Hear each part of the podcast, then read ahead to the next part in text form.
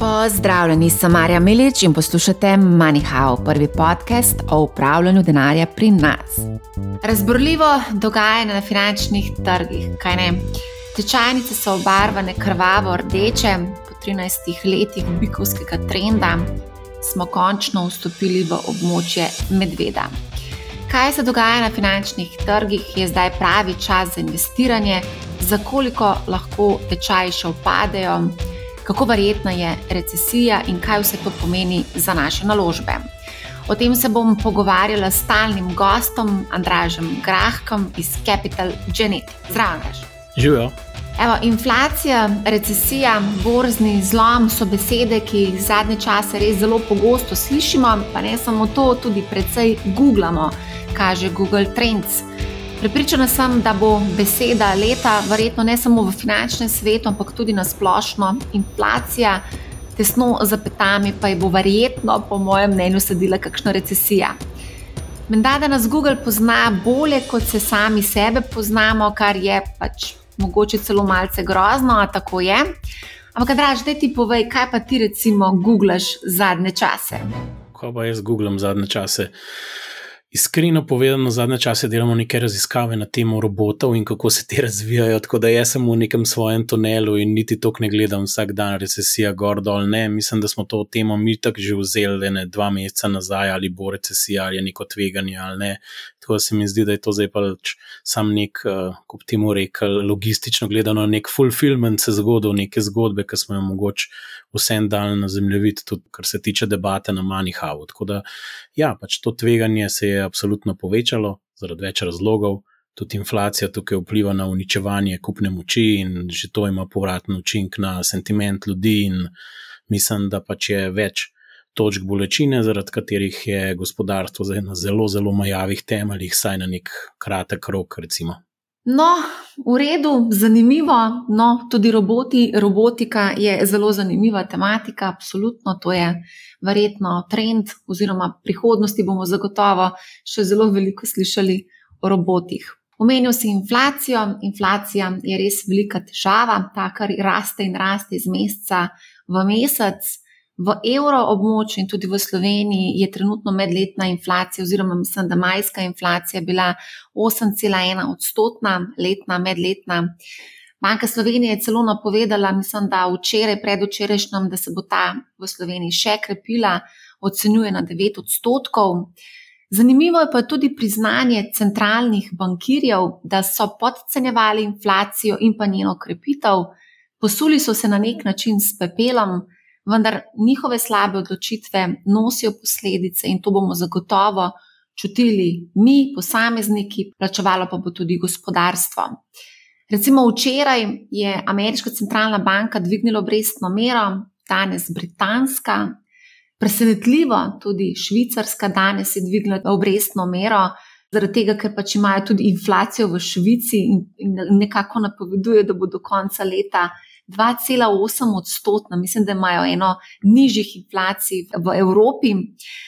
Skratka, kar precej zanimivih stvari se dogaja. Se strinjaš? Jaz bi na nek način rekel, da je to neko nadaljevanje teme. Ne. To zgodbo okrog inflacije, ne vem, bilo je ogromen dialoga, prehodna, epizodična, kaj bo, kaj ni. Dejstvo je, da nihče ne pozna prihodnosti. To je pomenilo, da so se še drugi problemi pojavili, ne, konkretno tudi zaradi ukrajinske vojne, ki je še malo dodatno pomešala vse te, rekel, dobavne verige, pa razpoložljivost energetskih virov in sam še dodala na že tako razbeljeno ozračje da se tako izrazim. Ne. Tako da pač mene, mene spet to ne preseneča. Spet pa moramo eno stvar vedeti. Ko gledamo te ekonomske indikatorje, gledamo v zratno ogledalo, gledamo nekaj, kar je posledica nek, nekega stanja, ki se je akumuliralo zadnje dve leti in je zdaj pač, tako rekel, po domače, vsekalo ven. To ne pomeni, da moramo naivno pričakovati, da se bo to kar nadaljevalo z enakim trendom naprej, ker če smo se karkoli naučili, to, da ne moramo vzeti nekaj, kar se je dogajalo zadnjih vem, 24 mesecev in kar kopiraj, prilepi, da se bo to dogajalo tudi naprej. Ravno ta inflacija, ki je više, kot so vsi pričakovali, vključno s centralnim bankom, ki bi mogli imeti vodilne podatke in bistveno boljše ekonomske modele za napovedovanje, kot vsi navadni smrtniki, v bistvu se je izkazalo, da ta stvar ni tako enostavna. Da ne moreš reči, da inflacije ni, pogledajte, tukaj smo, potem pa ojoj, uh, Sherlock Holmes, našli smo neke nove dejstva. Mislim, ja, ok. Pač, veš, da pač je neko tveganje pri napovedih in ga sprejmeš. Tudi, kar si govorila o recesiji, ne, ravno v bistvu gledal sem, da je točno to, kar smo se pogovarjali. Ne. Tudi recesija je bilo, jo, se ne bo recesija, se je nizka verjetnost recesije. Praktično, če gledamo vse napovedi analitikov, se je kaj zgodilo. Vem, če bi jih spraševala januarja tega leta, bi bili vsi, verjetnost recesije je nič. Če bi jih vprašali marca tega leta, bi rekli, verjetnost recesije je 5 odstotkov, nekaj v tem smislu.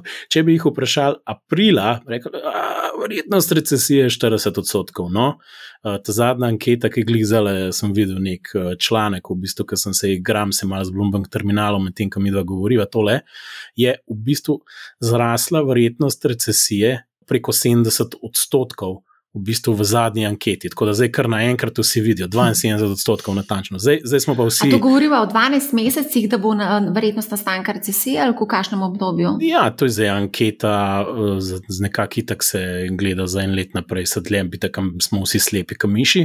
Tako da v bistvu to je zdaj zadnja anketa Bloomberga. Ravno sem gledal med najbolj branimi članki, ravno kar ko zdaj mi dva tole govoriva. Ne.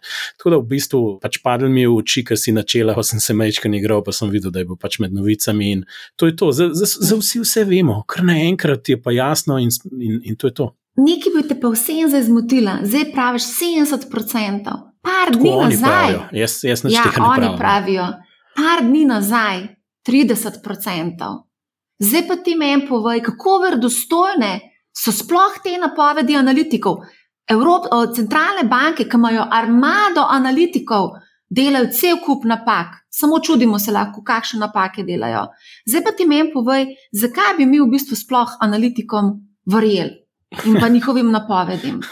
Ker konstantno to nekaj spremenjajo. Napo spremenjajo napovedi za nastanek recesije, potem malo zgrešijo inflacijo, potem malo popravljajo napovedi, malo šraubajo napovedi za gospodarsko rast. Tako, Jaz bi rekel, da so vse napovedi enako napačne, kot so vse čas, samo zdaj nas tako hudičev zanima, kaj bo z recesijo, in, je, in smo bolj pozorni na te ankete, koliko zadanejo in koliko ne. In je mogoče malo več, ko reko, emocionalnega kapitala investiranega v neke novice, v neko vsebino, ki prinaša neko nezaželjeno, mogoče realnost ali pa kako koli. Tako da jaz bi rekel, da kar se tega tiče, je v bistvu tako, ne, da ne vemo, v kakšni obliki. Prvič, recesija že sama po sebi neki izraz, ki je zelo tehničen. Pač gre za neki dve četrtletji krčanja gospodarske aktivnosti, oziroma konkretno bruto domačega proizvoda, zdaj lahko je globlja, lahko gre strmona vzdolj, lahko je pač bolj plitva, ne vemo kaj. Tako da že, že en izraz je recesija kot recesija v nekem kontekstu včasih nepomembna, če je zelo kratka, pa dva kvartala, sploh po zelo, zelo visoki rasti, ker je že tako normalno, da se malo mal ohladimo, to sploh ni nič ne navaden. Ne bom dal primer, če greste pri vrednosti nečesa s 50 na 100, verjetno vas ne bo bolelo, če šlo pol to na vem, 98. Tako da to, to ni problem, pa je recesija. Kao, Težava je pa to, seveda, če ste prišli na 100, pa gre potem to na 90, pa na 80, pa na 70, pa dobički implodirajo, pa obvezniški trgi v bistvu se njihova vrednost zmanjšuje, tako kot že dolgo časa ne.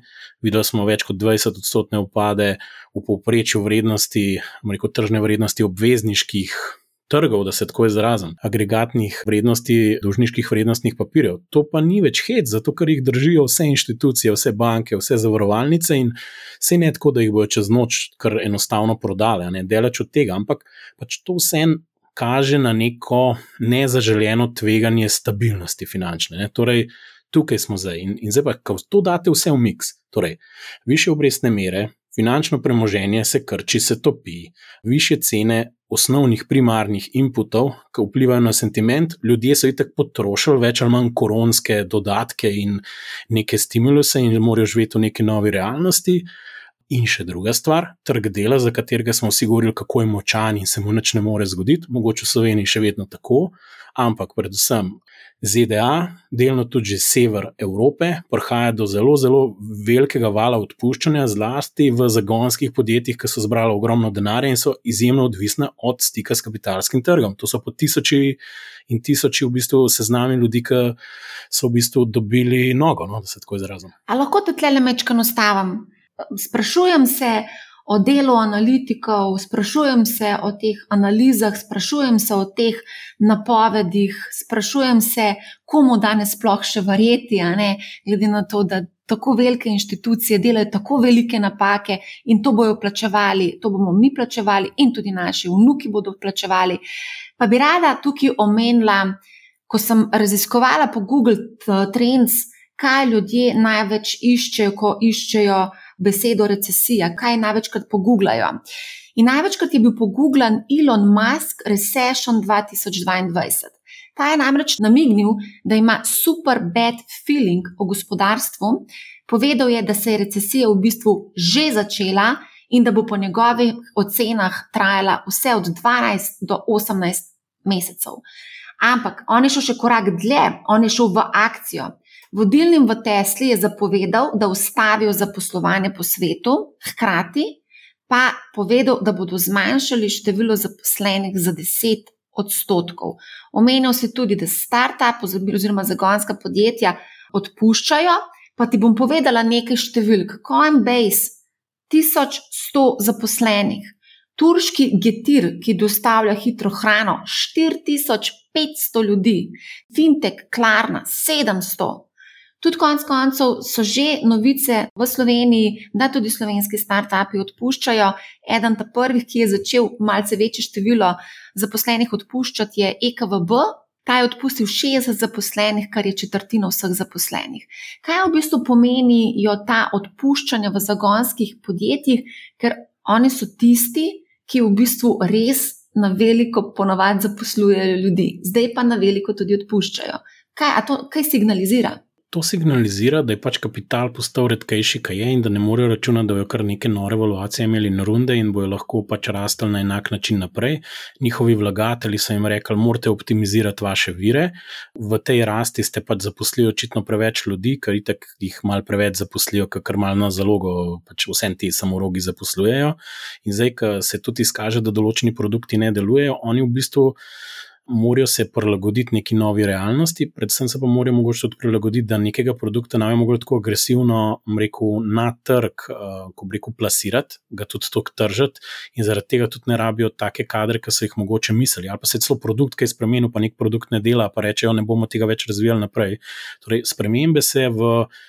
To so že skala podjetja, ne? to, kar govoriš o Klarni. Klarna je, vem, zadnja valuacija tam nek, okrog čeprav bilo malo nižje, okrog 40 milijard. To zdaj govori o startupu. Pač jaz bi rekel, da je to kaj 20-kratnik tržne kapitalizacije Ljubljanske borze, sama ena firma, da, da malo damo v kontekst.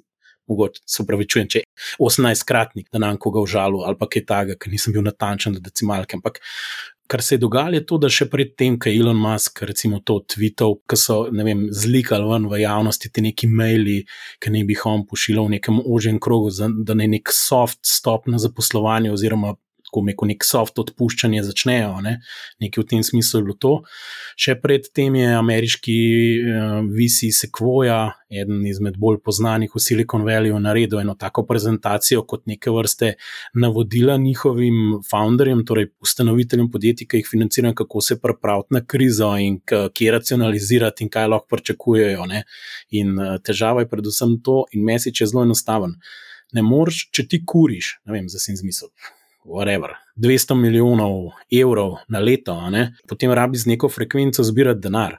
In zdaj v tem trgu bo vrednost vrednotenja nižja in tega si ne želimo. Torej, moraš tvoj burn rate zmanjšati, tako da kar lepo začni zmanjševati svoj burn rate in ukvarjati se malo več s produktom in malo manj z, rekel, to zazrtostjo, mm. z hitrostjo skaliranja, ker mogoče tudi ne morete zdaj tako hitro skalirati, ker je okolje bolj občutljivo, sploh uporabniki, recimo konkretno. Ne. Ja. Zdaj, um, beseda recesija, ki sem gledala Google Trends, ne beleži porast vse od 24. februarja, takrat se je pač izbruhnila vojna v Ukrajini, drugi vrh pa je doživel v začetku junija. In takrat je največ ljudi v bistvu googlalo uh, banko Deutsche Bank, ki je aprila napovedala prihod velike recesije. In takrat sem tudi pogledala, malo, kaj ljudje sprašujejo o recesiji, se pravi, želijo vedeti, kaj je definicija recesije, ne? koliko v poprečju traje, kaj recesija pomeni za malega človeka. Pa, da, Andraš, te bomo mi tudi malo pogooglali, te bom jaz zdaj malo pogooglala, pa boš odgovoril na ta vprašanja. Definicijo recesije si, recimo, že uh, pojasnil.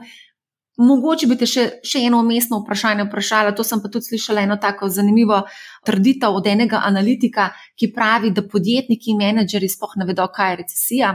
Mogoče tudi oni googlajo, ne vem. Je malo odgovor na ta vprašanje. Se pravi, mnenje o tem, da podjetniki ne vejo, kaj je recesija, koliko poprečju traje, pa kaj v bistvu pomeni recesija za nas. Ja, okay, mislim, rečemo, da smo odgovorili, kaj je tehnično gledano recesija in tam uh, zelo purističen analitik se je verjetno obesil točno na to. Točno taka je definicija, ko ne bosta dva zaporedna kvartala tega, recesije ni, pa to bomo gotovo s trimesečnim zamikom, ko mi bo statistični urad dal podatke. Ne? Podjetnik mu rekel, a se te mal zrola, kaj s tabo meni naročila padajo, ker če si mi obseg proizvodne, preden bom jaz postal del tvoje statistike, moje podjetje lahko že zgodovina. Ne? Tako da v bistvu zelo odvisen tudi mečkam, kje, v kateri dejavnosti je nek podjetnik, koliko v bistvu je na nekem delu, kjer mogoče zelo hitro začuti nek upad naročil, koliko je pa mogoče, eh, kaj pa je svem v, na, na nekem bolj koncu verige. Bom dal primer. Preden bojo začutili, uh, kaj pa je s tem, neki zelo, zelo, zelo taki neciklični sektori, kot so prehrana ali pa kdo drug, ne, učinki recesije, še kar lep čas trajali.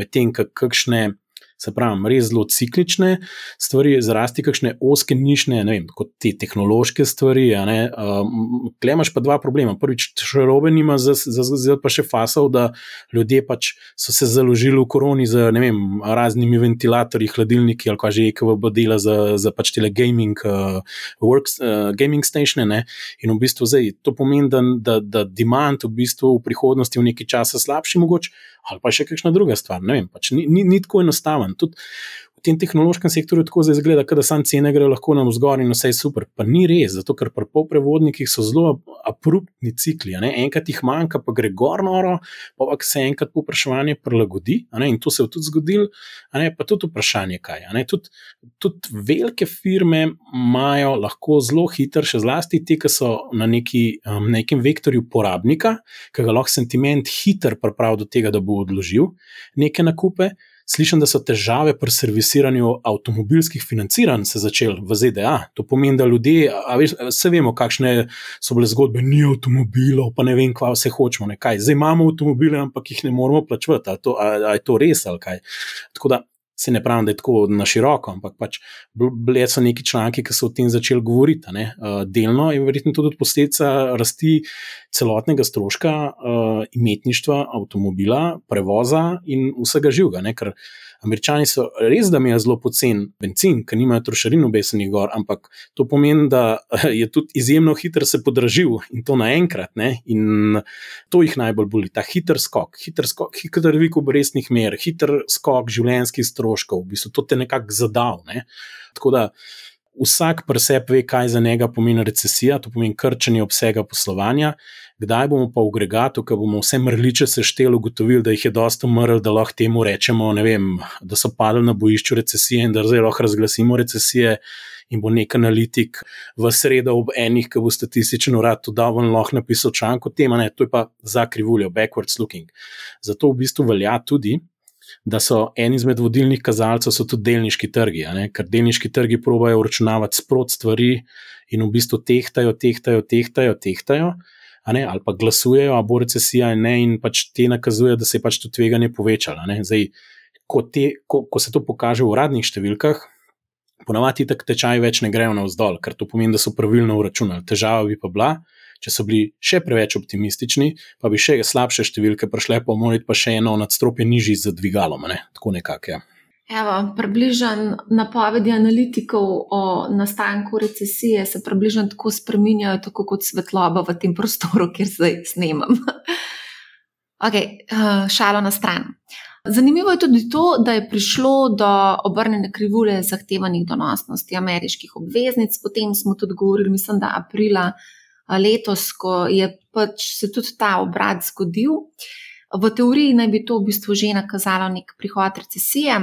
Zdaj, številni analitiki, tudi včeraj sem bila na nekem dogodku, ker je bila zbrana res pisana družščina pomembnih ljudi, pa sem tako naredila eno malo mini anketico med njimi in sem jih vprašala, kdaj oni pričakujejo recesijo. Lahko rečem, da 90% ljudi je odgovorilo leta 2023, skoraj zagotovo. Le peščica, oziroma mogoče dva človeka, sta pa celo recesijo napovedala za letošnje leto. Zelo deljena mnenja so pa tudi, kako zelo močna bo ta recesija. Nekateri govorijo, da bo šipka, da spoh namo vedeli, da se je zgodila recesija, spet drugi govorijo, tako kot Deutsche Bank, da bo to velika recesija. Kakšno je tvoje mnenje? Jaz bi težko rekel, da upam to staviti na to, da bo zelo plitka Jaz bi to rekel, da je nizko verjeten scenarij. No. Pa bom povedal, zakaj. Zato, ker smo vzeli iz vodnjaka vsega obilja, vse ven. In jaz mislim, da pač moramo tukaj. Bo normalna recesija, da jim rečem, da je zaenkrat tako staven, ker zdaj, če bi rekel, noč na jo ukrepali, pa bojo vse zamudili, pa bo zelo, zelo, zelo grdo, ker če gre s takim tempom naprej, bom tako rekel, če grejo obvezniški trgi v agregatu dol 25%, bi mogli delniški 50%, pa še zmer niso šli. Tako da jaz mislim, da to je ena od posledic, ker ne moramo tako naivno razmišljati, ampak bo to vodilo tudi v neke ukrepe, ko jo centralne banke mogle centralne banke imajo tako en slalom, zdaj v bistvu zelo hitro bojo mogle obrate delati. Ne, ne, tako, ne, ne morejo se tako obnašati, da, da, da, da imeli cikl 12 mesecev nekega postopnega dviganja. Po mojem, ne bomo, po mojem, neka kombinacija v bistvu monetarne politike, kvantitativnega sproščanja, pa nekega signa, signalinga teh kratkoročnih obrestnih mer bo mogla biti bistveno bolj dinamična. In klej se je pokazalo, da ECB je izgubljena, kot nek otrok v gozdu. No? se upravičujem. Mislim, da so res čisto izgubljeni ker zdaj jih je toliko presenetilo, da sploh manevrskega prostora nimajo. Sploh niso nič dvigali, nič niso naredili v osnovi, da bi si malo manevrskega prostora dali, v tem smislu, da bi malo inflacijo ukrotili, pa bi rekli, umilimo zdaj malo prostora, da nazaj spet dodajamo likvidnost. Zdaj ne vem, kaj bodo naredili. Če, če šlo to tako naprej, ne, bojo kar enostavno rekli, smo mislili dvigati, ampak ne bomo, bomo začeli spet obveznice nazaj odkupovati. Tako da ta politika Jaz mislim, da to izmikanje odgovornosti, to je moje mnenje, da preveč sledijo Fedu. Uh, Fed dela bistveno boljšo politiko, pa še oni imajo težave. Ki, in ta zastarel pogled, da imamo mi slediti vodilni svetovni banki za nekim zamikom, da je vse predvidljivo in vsi vse vejo, jaz mislim, da to ni dobro. No. Jaz mislim, da pač vse take sinhronosti, ki smo jo imeli, mogoče nimamo v tem trenutku je pa res, da ravno mogoče zaradi te sinhronosti, ker je ni in je Evropa bistveno bolj izpostavljena energetski krizi zaradi rusko-ukrajinske vojne, je verjetno to delno nek izgovor, ki je bom tako rekel, mogoče ga priznamo delno ECB-ju, zaradi tega, ker pač mi vire dobivamo z Rusije. Ne? Nimamo enakih virov, kot jih imajo američani. Američani zdijo na nafti, v resnici nimajo dost za nekaj časa, tudi sami zase, niti Saudske Arabije in drugih ne rabijo, ampak pač jo skladiščijo. Ne ravno za take primere. Ampak Evropa se je pa pokazala, kje smo. Um, mislim pa, da veliko pove to, da se je ECB ne vem, na nekih točkah ukvarjala z raznimi zelenimi prehodi in kar, kar načni na robe z zelenim prehodom na pomot, ampak to ni job ECB-a. Job ECB-a je cenovna stabilnost. Ravno zato, ker Evropa kot taka ne prenese inflacijskih šokov, in še včasih, vsakeč, ki so se dogajali, bo samo nekaj slabega sledil, pa nič dobrega. Ja. Mogoče tukaj sam, da omenam, um, ja, več kot 60 centralnih bank je že zdavnaj dvignilo obrestno mero v boju z opr inflacijo. Kristin Lagarde, prva dama ECB-ja, je pa šele, mislim, da pred kratkim ugotovila, da je inflacija resen problem v evroobmočju. Zanimivo je bilo to zasedanje izredno, ki se je zgodilo v sredo, ko je bil, so sklicali izredno zasedanje in sicer skrbi jih namreč tukaj na obvezniškem trgu in sicer. Bolnik Evrope, to je Italija, um, zahtevane donosnosti do dospetja državnih obveznic, so se pa uspele preko 4 odstotka, kar je največ po letu 2014. Da, ja, mene je zanimivo to, ko sem brala, ravno danes sem brala pa članek o Švici, švicarski centralni banki, ki je dvignila obrestne mere za 50 bazičnih točk in trenutno je njihova ključna obrestna mera še vedno negativna pri minus nič cela 25, medtem ko je njihova inflacija rekordno, mislim, nizka, na ena najnižjih v Evropi in sicer mislim, da napoveduje do konca leta 2,8%. Zdaj tukaj vidimo dva ekstrema. Centralna banka Švice, pa ECB, ki v bistvu sploh še ni dvignila obrestne mere, šele juli, julija jo bo prvič dvignila po vem, desetletju, medtem ko recimo Britanska centralna banka je pa že petkrat dvignila obrestno mero, dva dni nazaj je pa FED dvignil za rekordnih 75 bazičnih točk. Kaj se tukaj dogaja? Ali v bistvu banka, rekel si, da je banka, da je ECB izgubila kompas, da ne ve točno, kako ravnati? Evroobmočje je tako politični del. Rekel države, pa voditelji EU-ja, torej predsedniki vlad, ki se dobivajo, ne vem, sveti ministrov in to, kar se dogaja pač eh, na višjem nivoju, to je ta odločanje, kaj bomo s fiskalno unijo naredili in, in monetarno unijo, je problem, da je ta mehanizem odločanja enostavno preveč dolg kabel odločanja, preden pride do odločitve, da jim temu tako reči. In v tako volatilnih okoliščinah, kot so zdaj, enostavno to, iz, to ni dober način, kako upravljati za neko, mislim, da je to neka kriza volatilnosti. Ne pustimo, da imamo recesijo, ne, ampak imamo težavo z inflacijo. Ne. Tako da v bistvu tukaj je težava. Zdaj pa druga stvar, ki ti izpostavljaš, je pa tudi to. Evro kot posledica tega, da so pač tako dolg časa čakali, da karkoli naredijo na obrestnih merah in so se v Ameriki te uspenjali, je pomenilo, da je tudi evro izgubljal v primerjavi z dolarjem. Vemo pa, da je večina surovin in materijalov kotiranih v dolarjih in se večina transakcij izvede v dolarjih, kar je avtomatično pomenilo, da smo uvažali še inflacijo zaradi šibkega evra, ker že v dolarjih je bilo nekaj dražje, pa smo pa v evro preračunali, ki je padel v primerjavi z dolarjem in je zaradi tega to še dodatno dvigalo inflacijo. Torej, v bistvu in ECB bi to lahko vedela. Lahko bi vedela, da če pade evro za 15-20%, da to imel inflatorne učinke. In, in iz tega stališča meni ni jasno, zakaj nisem mogel vsaj signalizirati, da bojo hitreje dvignili obrestne mere. Zdaj, kaj bi to pomenilo? Ha, en bo rekel na koncu, na koncu je vse en, kaj tako bo recesija, pa je to vse skupaj brez veze. Ej, mogoče pa res brez veze. Sam, kar mene skrbi, je, jaz ne gledam tukaj, da bi oni lahko nujno to mogoče bolj preprečili. Težava je to, kakšne signale monetarna oblast daje subjektom na trgu, in to mi pa ni všeč. In jaz ne vem, kakšne signale bo dajal, ker bomo v recesiji, pa bo ta zmer globja, pa bojo, ne vem, italijanske obveznice mogli odpreti kot konzervo, donosno za dospetje, do besedno, da so krizni sestank sklicali, je šla na 4,20 letna, ne, danes smo pa ne vem, že, že kar opazno pod 4. Torej, v bistvu to je bilo že kar neka intervencija, malo manj, da ne. ne tako da klele je šlo za res, iskreno povedano. Tako da jaz mislim, da. To nakazuje tudi, da te, te države, recimo, tudi, ne, mi smo imeli zdaj volitve, pa prejšnja vlada je pač neke ne vem, izdatke sprejela v proračunu, pa fiskalni svet tam upozarja, da je strukturen primankljaj prevelik, ne, nova oblast napoveduje, kam vse bo investirala in to. Ampak, mislim, če se tako nadaljevalo, v bistvu zdaj zaenkrat imajo še staro zalogo pocen kreditov in obveznic, ne, ampak če bo to naprej pa treba refinancirati imamo mi težave, ne, ne vem, komu tega troglavega zmaja, ne vem, zdravstva, demografije, pa še vseh ostalih problemov, ki jih imamo. V državi in ki jih moramo rešiti z infrastrukturo, pa čim drugim, v bistvu rešila, ne? zato ker to se je podražilo. Zdaj, spet pravim, napačni signali. Ne, ne vem, pač dolgoredne ameriške državne obveznice, vse niso bile na 0, pa minus 0,5, da vsi veselo zapravljamo. Ne? Mogoče bi tukaj sam še eno zadevo dodala, ker se tako zelo lepo povedal o Sloveniji in pa tej situaciji pri nas. Moram povedati, da smo zelo odvisni tudi seveda, od nemškega gospodarstva in pred dnevi sem brala, da je nemški finančni minister povedal, da Nemčiji grozi stagflacija. Kaj za to pomeni v bistvu za nas? Mogoče še eno prepod, mislim, samo še en dodatek. Urano včeraj sem se pogovarjala tako malce neuradno z enim viceguvernerjem. Malo smo se pogovarjali o recesiji, o stagflaciji, pa sem ga vprašala, kaj je boljše, recesija ali stagflacija. Rekel je recesija. Kaj boljš? Pa za koga? Boljš, okay. Recesija je stagflacija. Mislim, recesija je čiščenje, ne? to moramo vedeti. Recesija je on, ki se je drek na broga, je treba spucati. Ne? In recesija očisti določene stvari. In dobro, to zdaj tako zvenelo. Vsi veste, da če navte nekaj časa šli na stranišče, to ne bo dobro, no? da jim temu tako rečete. In zdaj lahko poskušate to toliko časa, kot hočete, ampak na koncu bo ven usekal. To je recesija. Ne? Zdaj pa stagflacija je pa, je pa v bistvu nekaj, kar se je dolg časa kuhal. Recesije še nisem slišal.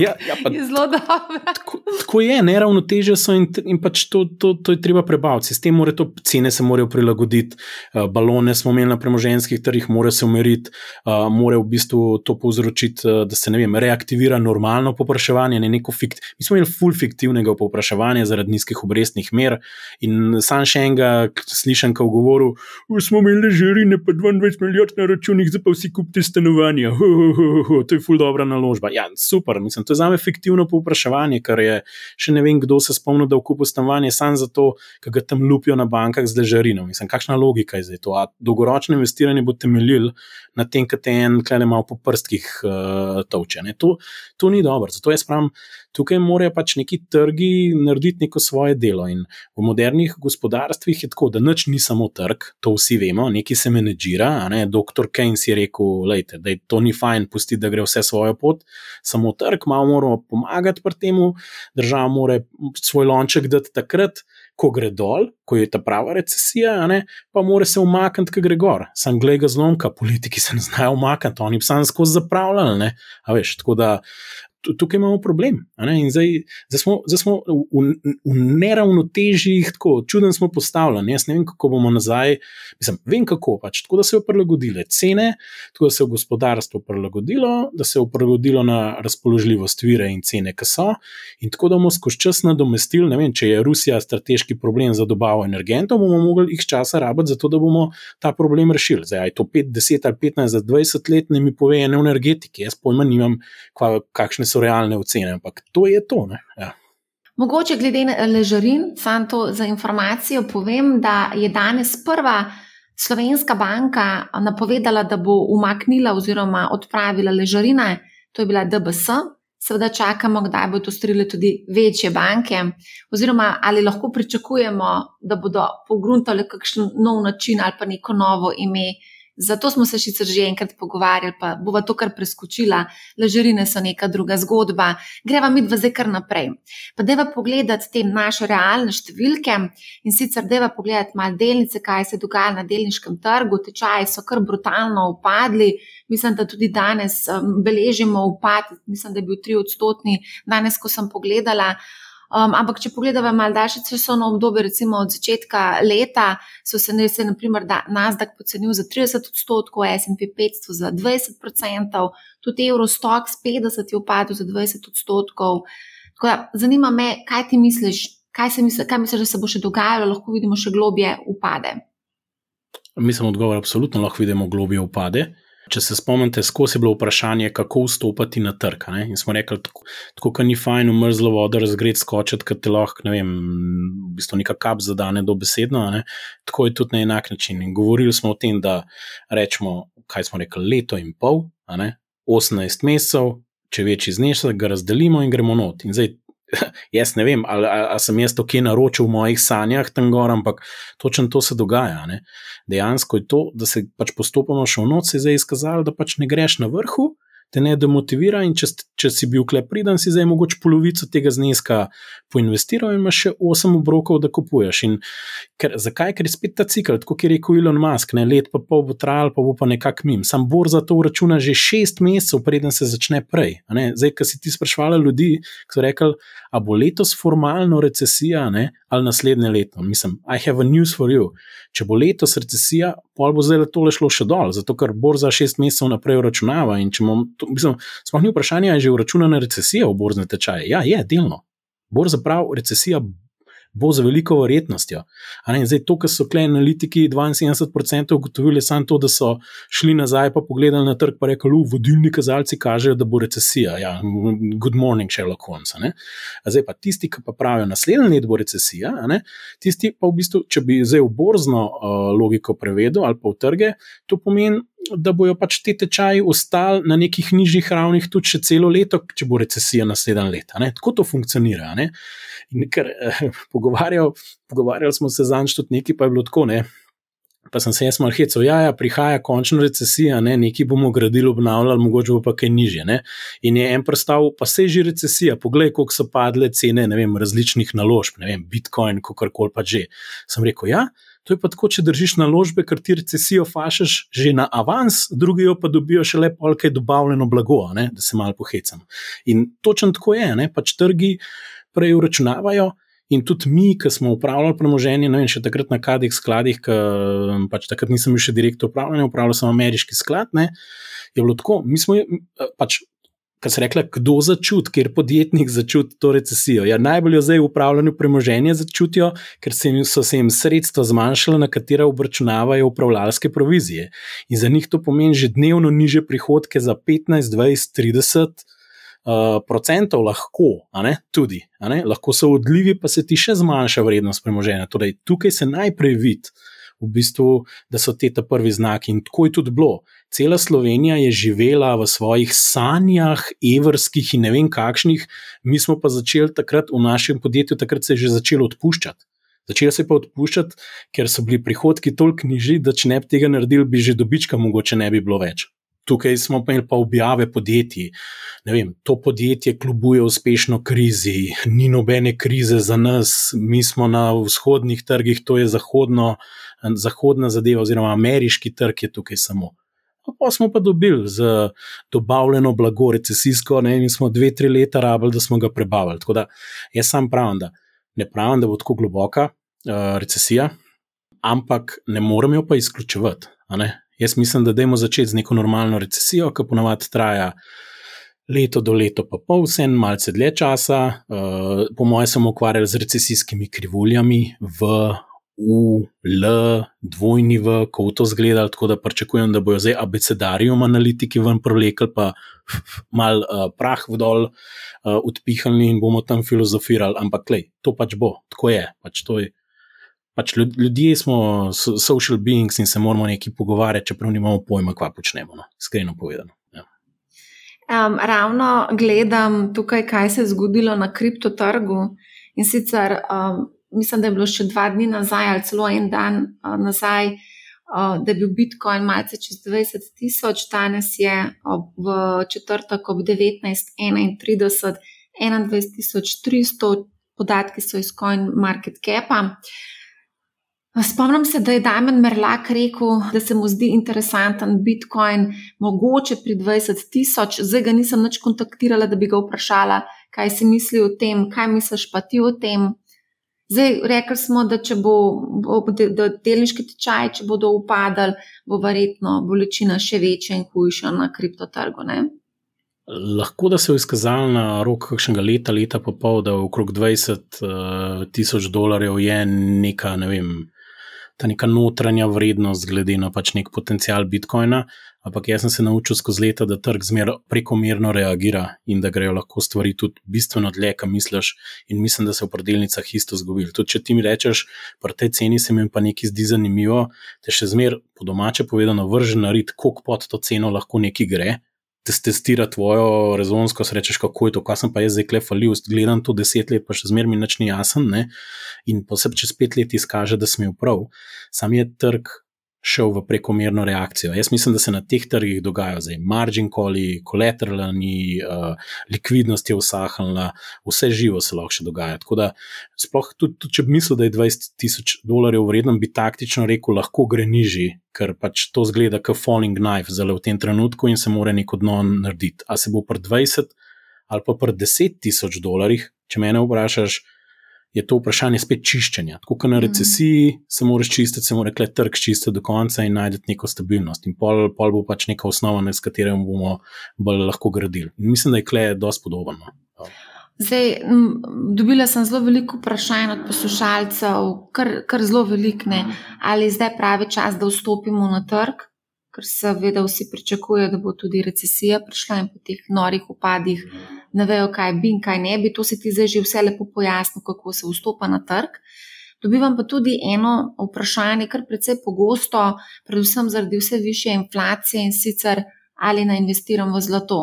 Ali lahko malce pokomentiraš zlato? Kaj pa jaz vem, zlato je zelo, zelo, zelo privlačilo ljudi, da pa zdaj rekel, da je blazno zasijalo, glede na denar, pa ne vem, kaj pa jaz vem, neke konzervativne naložbe bi pa težko rekel no, v zadnjem obdobju.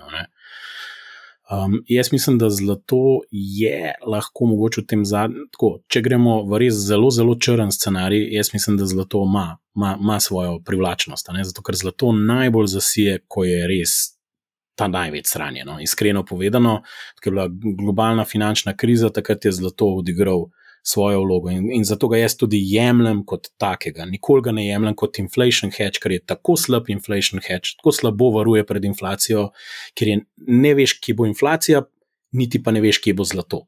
In zlato ni nikoli tam, kaj je inflacija. To je, to je tako brez veze. To je najbolj, največja laž, ki so jo distributeri zlata prodali ljudem, da je to, da je to hedge proti inflaciji. To je med nami bulšit. Ni, ni, ker hedge proti inflaciji je inflacija 8, zato gre gor 8 v istem obdobju. Inflacija gre gor 20, zato gre pa inflacija gre gor 7, zato gre dol minus 7. A to je, to, a to je zdaj dobra varovalka? Ni. To samo zato, ker ne gledate vsak dan, nimate niti statistike, ne primerjate, vam je to en tam na šalterju ali ne vem, kje ste to kupovali ali pa v enem hotelu z viskijem razložil. Druga stvar, ki jo pa vidim, je pa točno to, ne? zakaj so fanti tam na, uh, rekel, palantirju kupovali zlato. Ne? Kupovali so ga kot neke vrste, rekel, diverzifikacijo in varovanje pred finančnim meltdownom. Jaz tako to tako gledam, ne pred inflacijo. Zdaj, začelo se je pa ta finančni meltdown z inflacijo, ki je šibkosti razkrila in vse težave, ki jih imamo, zdaj pa še le prišle na dan. Tako da jaz mislim, da zlato ni, ni tako neumen jaz ga gledam taktično, gledam ga skozi cikle. Tako da danes taktično nekaj ga lahko imaš. A si drzno reči, um, mej vse v zlatu in to na pet let počni, to se mi pa zdi med nami dost brez veze. Pa bom razložil, zakaj. Zaradi tega, ker bi vmes toliko delnice padle, če vi ne boste kupili teh delnic, ki bojo izjemno poceni v naslednjem letu, dveh, Ker, aj, vi ste zdaj zlato držali dve, tri leta, pa pa mislite, da boste sam switch nazaj naredili, ko je pocen delnice in pa juhu. Ja, ne bo, ne. Ne to lahko funkcioniralo. Hitreje se je odbil in vi ste lovili delniški trg. Tako da to ni fino. Tako da zlato je lahko neka komponenta, danes je lahko vem, tudi 15, mogoče 20%, malo več, ne, ker je pač ta tveganje. Rečemo, če je 20-odstotno tveganje globoke finančne krize, pa tako mislite, imejte 20% zlata. Ostalo morate vedeti, da na deset let bojo zdaj te delnice, ki so se že pocenile in se še bodo, verjetno lahko, obstaja neka verjetnost, bistveno više. In zato, zato smo na delniškem trgu, ker skozi dolgi rok je pa iskreno povedano najboljša varovalka pred inflacijo imeti dobra podjetja. Ker raste in bojo imela večji denarni tok v prihodnosti. To je najboljša varovalka pred inflacijo, ne nepremičnine, pa druge stvari, samo morate pa kvalitetna podjetja imeti. Zato za tiste, ki vstopate, ne mi zdaj neki blazno eksperimentirati. Tisti, ki pa pač to počnete, morate pa vedeti, se greste stock picking. To pa ni zdaj, ne bomo zdaj tole vzeli v tej oddaji, kjer ti, ker je pa kaj zakupati tam draž. Ne? Ne, ne, v tej oddaji tega ne bomo. Vem pa, da me zdaj vsi preklinajo. Pa zakaj, zakaj, zakaj si ga prekinila, zihri hotel povedati, ampak vem, da ne boš povedal. Dejva zdaj samo še pogledati v prejšnji, prejšnji epizodi rebalansiranja, ki sem jo posnela smo govorili o smrti 60-40 portfelja, zdaj ameriške oziroma državne obveznice do zahtevane donosnosti so kar poskočile, ameriška 3,4, nemška 1,8 desetletne državne obveznice. Kakšno je tvoje mnenje, da bi mogoče se, je bil, bi bilo smiselno dodajati obveznice v naš portfelj? Dajmo reči, da jih je zdaj bistveno bolj smiselno dodati, kot jih je bilo tri mesece nazaj, ker lahko dejansko zaklenete noter uh, več kot tri odstotno obrestno mero, zdaj spet odvisno od obdobja, za katerega pač to investirate. Zdaj, jaz, jaz bom tudi tako rekel, ne? ljudje naivno pričakujejo, da v naslednjih 50 let kar inflacija je enaka, kaj je. Zdaj, če bomo imeli recesijo, pa finančno krizo ali ne vem, te črne scenarije, pol ne bo nobene inflacije, pa smo kar zaključili z inflacijo, to je brez veze pa je spet vzratno gledalo. In v enem smešnem filmu imam jaz tako, ta scenarij. Imamo ležarine, imamo inflacijo, vsi investiramo kanorci v neke nepremičnine in druge stvari. Bankiri reče, uf, morate dati tole na fiksno obrestno mero, viša se, viša se, imamo FOMO efekt. Puf, pride recesija, finančna kriza, deflacija, obrestne mere grejo spet dol, in rečemo, zakaj smo se kle borili točer. Tako da To, to ni tako nevreten scenarij. Če bo globalna recesija, če se bo, ker fina, finančna kriza nastala iz krize bilanc, iz izpostavljenosti. In težava zdaj je to, da obvezniški trg in trg fiksnih inštrumentov, vrednost teh inštrumentov pada tako, kot če ni nikoli. Ne, če ste pa vi neka inštitucija, ki ima v svojem premoženju samo obveznice danes, na drugi strani imate depozite, pa dajmo reči, da jih imate 100 obveznic, pa 80 depozitov, 20 je pa vaš lasten kapital. Tisti trenutek, ko sem jaz zmanjšal vrednost vaših obveznic iz 100 na 80, in zdaj, če bi tako, če bi imeli uh, razpršen portfelj in bi nekdo rekel, morate po tržni ceni voditi svojo bilanco, danes taka banka ne bi imela nič kapitala, kapital bi bil nič. Dajmo, dajmo to malo razumeti, kako pomembno je to dogajanje na obvezniškem trgu v tem trenutku. Torej, smo pred neko težavno točko in boh ne dej, da se ne odzovejo in gre ta sentiment čez rob, ker bomo tako serijsko dolžniško krizo doživeli. Ne, ne hecam se, spoh ne bomo videli, kva nas bo zadel. Tako da govoriti, komu zdaj iz te točke še naprej dvigovali obrestne mere, pa kako bomo imeli inflacijo, ki nam grozi, da bomo imeli še eno finančno in gospodarsko krizo. Jaz bi mal se ustavil, pa preanaliziral, pa mal spremljal pa čim manj predpostavljal.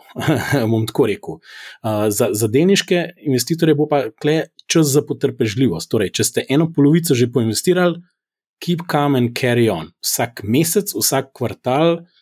Dejte lepo naprej vrčvati. Niste tukaj zato, da te, da te fajn zgleda čez šest mesecev, ampak čez deset let.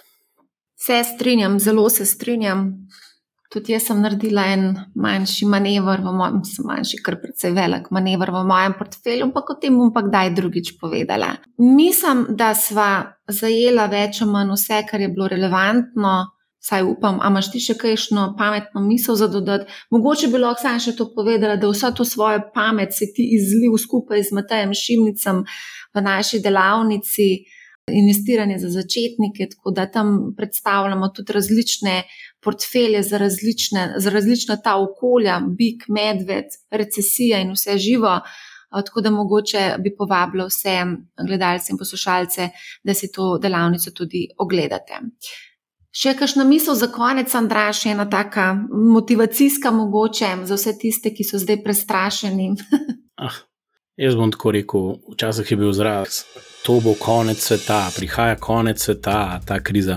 Na koncu, če smo se kaj naučili, ker smo imeli ta zadnjo krizo, da to ni konec sveta, da pač vsaka nevihta mine, da je to treba pač eh, vedeti, samo mogoče zdaj malo čas bolj za neko neobjestnost, malo mal bolj racionalne odločitve. Malo mal se moramo prizemljiti, kar tudi ni slabega, po moje, pa bo čisto redno.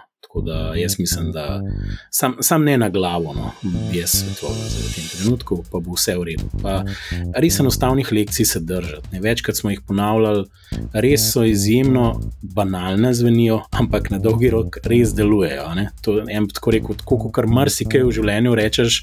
Ampak težava je zmeraj v človeku, ki se ne drži ničesar, ne se vemo, kako je, prmrsi če je. Vsi, vsi smo generali, vsi imamo kablo fino, ampak na koncu na disciplini uh, vsi pogrnemo, vključno z mano. ja. Ja, ja, disciplina je tista, ki je ključna pri upravljanju premoženja, denarja, konc koncev življenja. Skratka, noč Andraš, najlepša hvala. Prepričana sem, da se bomo kmalo spet uh, slišali, videli. Tako da hvala. Ja, hvala tudi tebi, poslušalcem, lep pozdrav, pa vse se slišmo. Okay. Ja, če boste imeli kakršno koli vprašanje, mi pišite na marja, afna, mani-how.si. Za konec poslušajte, mani how, ne bo vam žal in lep pozdrav.